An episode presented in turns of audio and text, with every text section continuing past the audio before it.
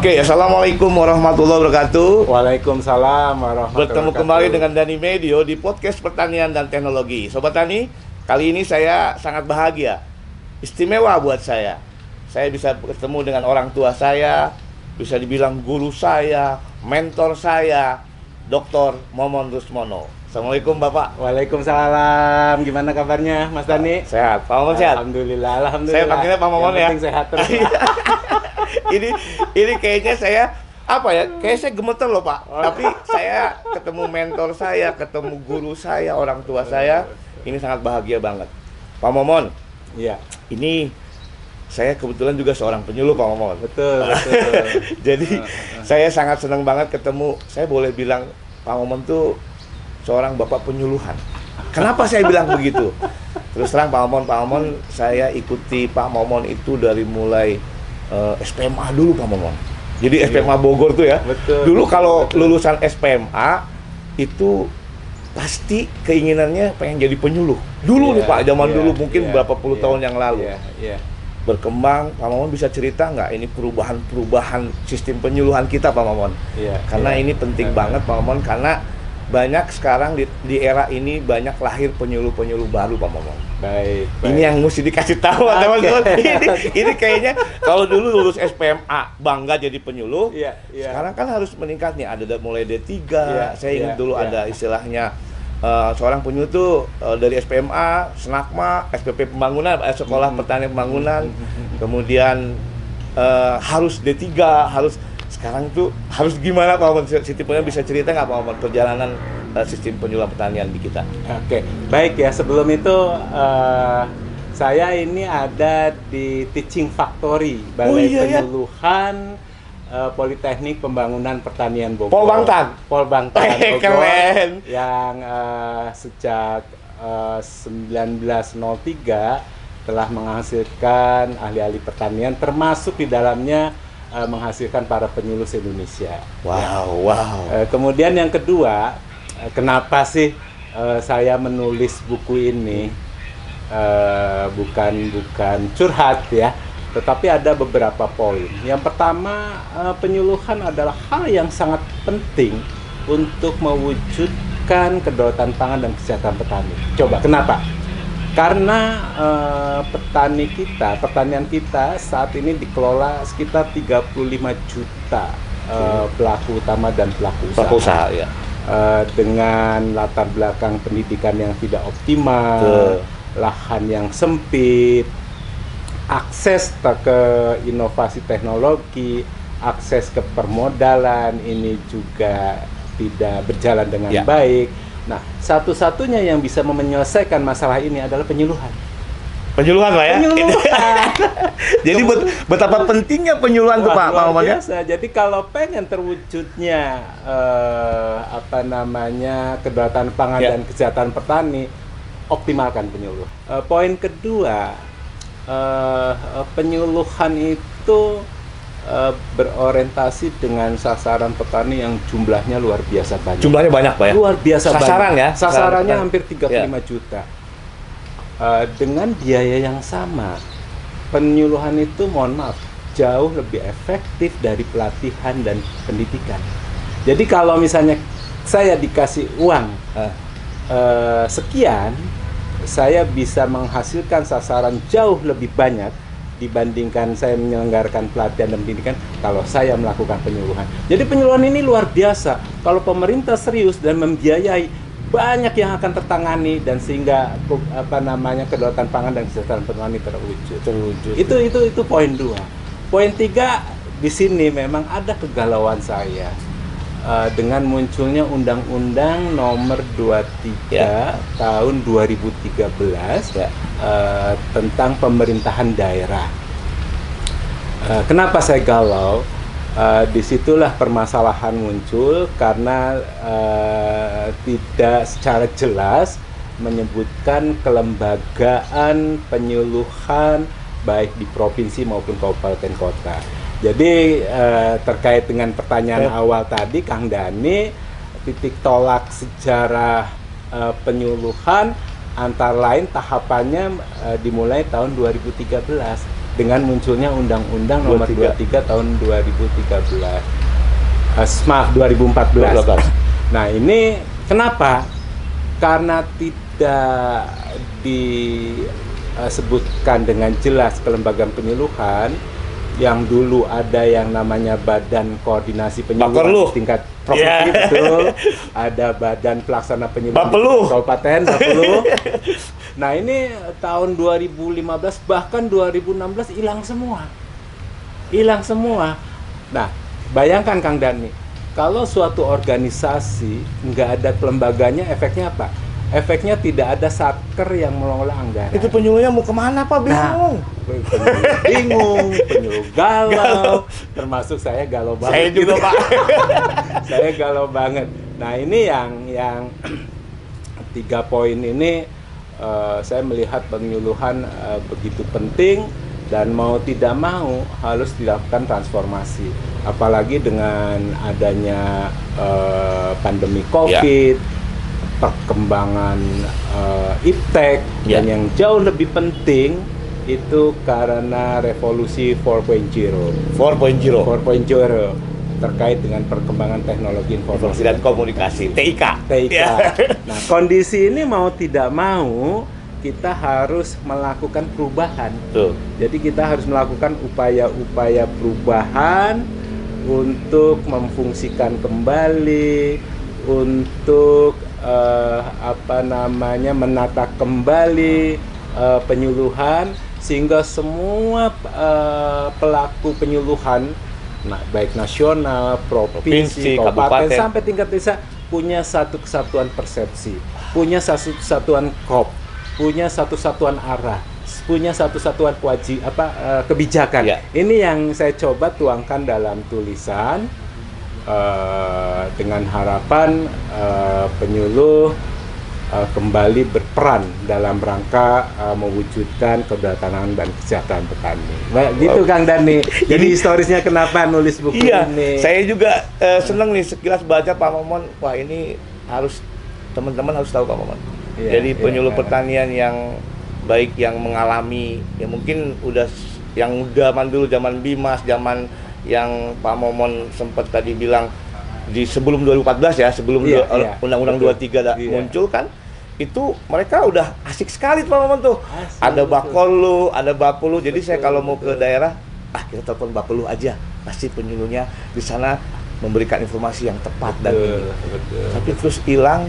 Tapi tapi saya berpikir walaupun misalnya kelembagaan itu tapi kata Pak Momon harus jadi satu kesatuan itu di era sekarang ini mesti bagaimana Pak Momon kalau Iya. kalau Eh, artinya kita nggak boleh kalah. ah itu maksudnya kita nggak boleh, kalah. kalah. Eh, ada harapan saya kalau misalnya eh, karena eh, mau tidak mau komando kita adalah eh, peraturan perundang-undangan ya. Eh, selama peraturan perundang-undangan memfasilitasi eh, ada harapan yuk kita gempur balai penyuluhan kita perkuat balai penyuluhan Eh, saya berharap ke depan eh, peran balai penyuluhan ini eh, sebagai kompetensi base agriculture extension kompetisi base Iya, agriculture extension. agriculture Wow. extension. Jadi eh, apa selain nanti eh, berfungsi sebagai tempat pelatihan, pusat data, eh, pusat eh, pertemuan antara pelaku usaha, pelaku utama dan lain-lain, tapi saya berharap juga ke depan balai penyuluhan saat tingkal semua eh, fungsional eh, lingkup pertanian. Ya. Tidak hanya penyuluh.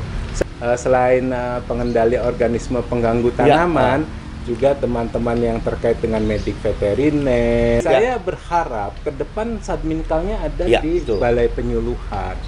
Nah, selain itu juga bal- eh, balai penyuluhan juga mau tidak mau sudah mulai menggerakkan keswadayaan. Ya. Keswadayaan tuh dimulai dari eh, saya berharap eh, balai penyuluhan harus bisa menumbuh kembangkan memperkuat pos penyuluhan desa eh, atas inisiatif eh, kontak-kontak tani yang ada di desa membentuk posludes. Saya berharap di tingkat kecamatan semua kecamatan eh, ada P4S. Oh. Saya berharap di semua eh, pos ludes, pos ludes harus dibarengi penyuluh swadaya. Nah ini eh, jadi kita jangan kalah dengan kondisi begini. Ya. Kita perkuat, kita perkuat balai penyuluhan gitu kan. Nah ini ini harapan-harapan saya eh, seperti itu yang dituangkan dalam tulisan. Iya, saya juga ingat banget kalau Pak Wawan pernah bilang ketika saya ingat Pak Wawan ketika itu jadi kepala pusat penyuluhan. Oke, Ini Pak Wawan ini oke. udah Iya, udah pernah iya. jadi direktur APP, kepala STPP, Polbang dan Kapusluh Pak ya, Iya. sampai terakhir sekjen nih teman-teman Iya, kepada nih. Iya. Nah Pak Wawan pernah dulu bahwa Pak Wawan pernah ngomong bahwa BPP itu menjadi simpul uh, informasi simpul, koordinasi uh, iya, simpul iya, iya. yang tadi Pak Wawan bilang jadi satu kesatuan Iya, iya. sehingga uh, Eh, informasi istilah saya dulu istilahkan posko. posko iya Pos betul posko komando. man- pos komando Iya. nah tentunya kan sarananya juga harus mumpuni Pak Wawan ya Setuju, setuju. apalagi sekarang dengan basis internet ini, ini ada momen. Ini Iya. ada momen. Ada momen dengan eh, dicanangkannya balai penyuluhan sebagai kosratani. Kosratani. Jadi kosratani filosofinya adalah bagaimana memberdayakan peny- eh, balai penyuluhan berbasis IT. IT. Tapi juga betul harus dilengkapi. Eh, pertama ada ada ada eh, belum lengkap saya tuangkan Hmm. dan tulisan. Tapi saya mulai galau ada kesan penyuluh eh, lebih banyak eh, mengerjakan administrasi pertanian. oke itu satu Pak Betul. itu itu harus diatasi. Ya. Eh, balai penyuluhan tuh harus dilengkapi dengan tenaga administrasi. Kalau nggak salah ketentuan oleh Kementerian Pertanian Sekyu Balai Badan Penyuluhan dan Ya. Pengembangan Pertanian sudah ada. Nah, sehingga untuk pekerjaan administrasi itu eh, bisa langsung dikelola oleh tenaga administrasi. Kemudian eh, yang kedua ya mau tidak mau dilengkapi tenaga penyuluhnya. Eh, satu desa satu penyuluh ini bukan arah kebijakan, ini mandat. Mandat. Mandat yang dituangkan dalam Undang-Undang Nomor 23 ta, eh, Undang-Undang Nomor 19 tahun 2013 Ya. Tentang pelindungan dan pemberdayaan petani. Jadi mandat, kalau mandat harusnya wajib. mandat mah wajib Pak Wajib kalau nggak mau satu dikerjakan penyuluh, satu desa walaupun tidak harus semuanya Ya. eh, penyuluh PNS tapi juga bisa eh, penyuluh pemerintah istilah Ya. saya maupun eh, menumbuh kembangkan penyuluh swadaya, itu Eh, menumbuh kembangkan penyuluh swasta, Swasta. mengembangkan kelembagaan eh, penyuluh swasta siapa kelembagaan penyuluh swasta bisa perguruan tinggi bisa dunia usaha dunia industri nah ini balai penyuluhan harus menjadi pusatnya jadi yang ketiga betul Kang Dani harus dilengkapi sarana prasarananya. Eh, tidak hanya teknologi informasi dan komunikasi, tapi juga fasilitas alat-alat pembelajaran atau alat-alat Iya. penyuluhan juga harus dilengkapi. Nah penyuluh kalau nggak dikasih senjata gimana mau melakukan penyuluhan? nah ini yang yang apa eh, menjadi eh, catatan saya eh, harapan terbesar apabila peraturan perundang-undangan tidak belum berubah ya kita mau tidak mau yuk gempur BPP siap. Gempur balai penyuluhan tuh tidak hanya eh, ketenagaan tidak hanya sarana prasarana yang jauh lebih penting anggaran ya jadi mohon ini eh, kalau bisa balai penyuluhan apakah itu pemerintah pusat atau Provinsi, pemerintah provinsi, kabupaten. kota, yuk kita gempur balai Iya. penyuluhan dengan anggaran. Nah sehingga dinamika penyuluhan insya Allah akan jalan. ya Itu itu alternatif pertama. Ada alternatif kedua Kang Dani. Ya. Saya tuangkan di sini karena eh, penyuluh galau, saya ikut galau, ikut galau. Eh, Ya mau tidak mau harus ada kelembagaan penyuluhan di provinsi dan kabupaten kota. Ini bisa jalan kalau ada peraturan perundang-undangan. iya betul Pak Saya mengusulkan ada revisi Undang-Undang Nomor 16 Tahun 2006 Enam. Ya. tentang sistem penyuluhan pertanian, perikanan dan kehutanan. SP3K itu Ya, SP3K. Atau kalaupun eh, selain revisi, saya pengen ada peraturan presiden atau peraturan eh, pemerintah ya yang khusus eh, apa berbicara tentang kelembagaan penyuluhan provinsi dan kabupaten kota. Itu pengen saya seperti itu Kang Sebenarnya itu keinginan teman-teman juga, Pak. Iya. Mungkin melalui ini, Pak. Iya, sehingga penyuluh ada tempatnya, Iya, lah, ada tempatnya ada, dan- ada wadahnya.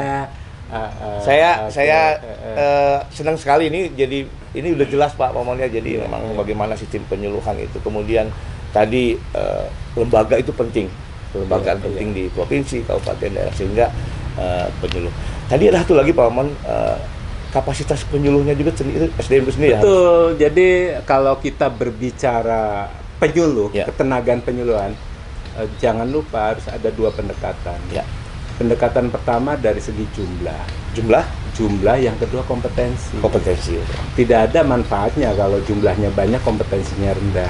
Nah sehingga eh, standarisasi, sertifikasi, pelatihan tuh wajib hukumnya dilaksanakan.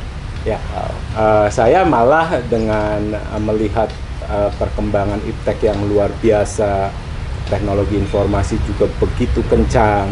Eh, dalam tulisan saya, eh, saya mengajak pelatihan bisa nggak berorientasi eh, kepada hilir apakah itu terkait dengan mekanisasi pertanian, apakah penanganan pasca panen, pengolahan, termasuk pelatihan. Karena kalau di aspek on farm ini tinggal memperbaiki aspek manajemen. Tetapi di hilirisasi ini perlu eh, penyuluh perlu dibekali. Nah, saya berharap pelatihan ke depan lebih berorientasi pada pelatihan yang bisa memberikan nilai tambah dan juga daya saing produk pertanian. Ini iptek tadi Pak yang yang, yang Karena, nah Tadi. kalau pengen ke sana betul inovasi teknologi Teknologi. kuncinya. Oh, Makanya keren. ini catatan saya dan saya tulis litbang dengan penyuluhan itu harus bergandengan tangan, harus satu hati. Wow. Harus satu hati. Ini saya tulis. Satu lagi yang mau setia. Tidak hanya litbang, tapi perguruan tinggi. Dan saya salah satu eh, rekayasa yang saya tulis di sini harus ada sinergitas sinergitas antara litbang, BPSDMP, perguruan tinggi untuk menghasilkan paket-paket teknologi yang dikemas dalam teknologi informasi. Nah, sehingga ada ada keinginan, ini mungkin Kang Dani eh, paham lah, ada keinginan saya. Saya bercita-cita di Indonesia ada lagi balai informasi penyuluhan Kang Dani. Pak Mamon, sebelum teruskan, sebelum terus saya malah mau nanya ke sana. Bagaimana sekarang berbasis TIK, kemudian ada balai info pertanian, saya eh, jangan diteruskan dulu Pak Mamon, eh, simpan dulu. Oke. Sobat Tani, ada yang mau lewat, kita lanjutkan setelah yang satu ini. Oke, sip.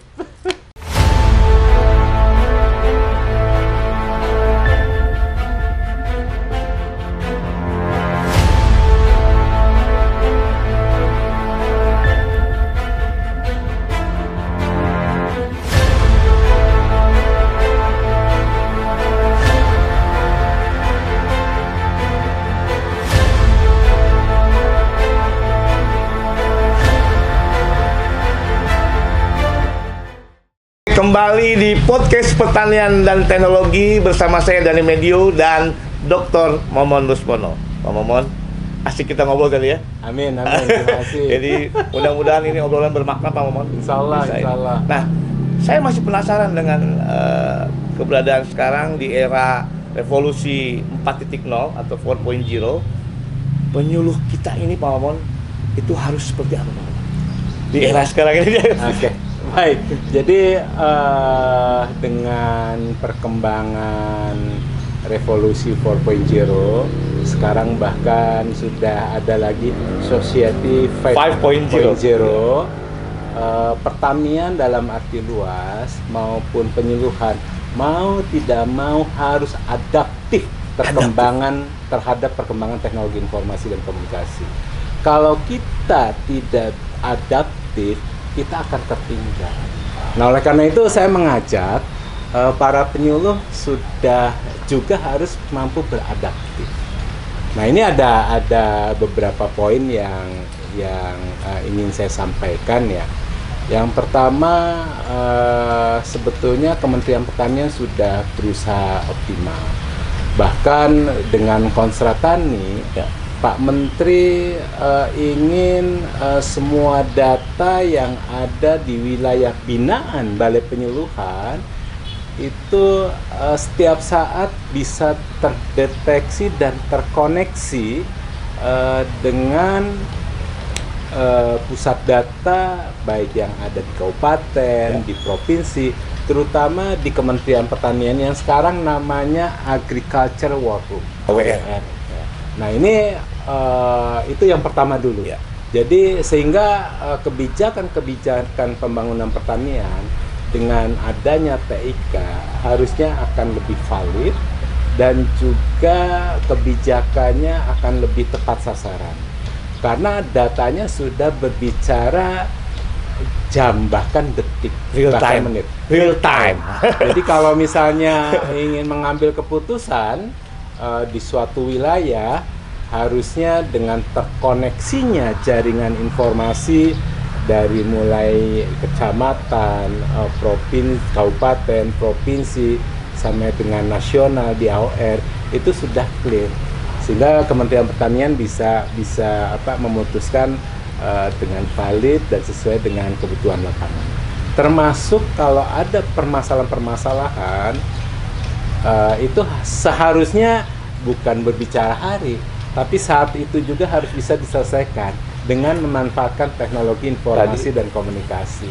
Nah ini yang yang apa namanya harus eh, menjadi catatan kita. Tapi Kang Dani, Ya. saya melihat ada sedikit beberapa permasalahan. Ya. Yang pertama terkait dengan penyuluh kita ini. Ya. Ini mohon maaf penyuluh ya. Penyuluh dan petani pada umumnya masih uh, tidak optimal dalam literasi, literasi digitalisasi. Nah. Nah, ini PR nih. Jadi PR kita semua, uh, Pak. Iya, harusnya penyuluh harus lebih adaptif.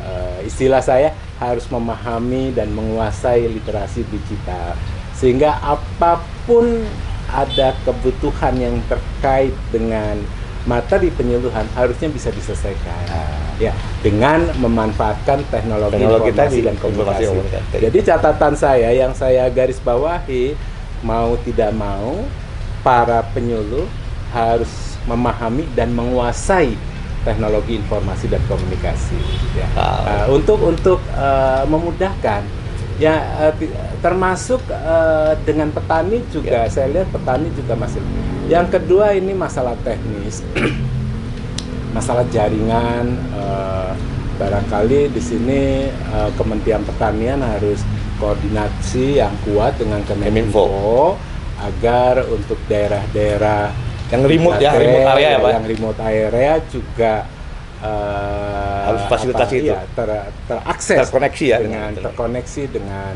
uh, Internet. dengan internet.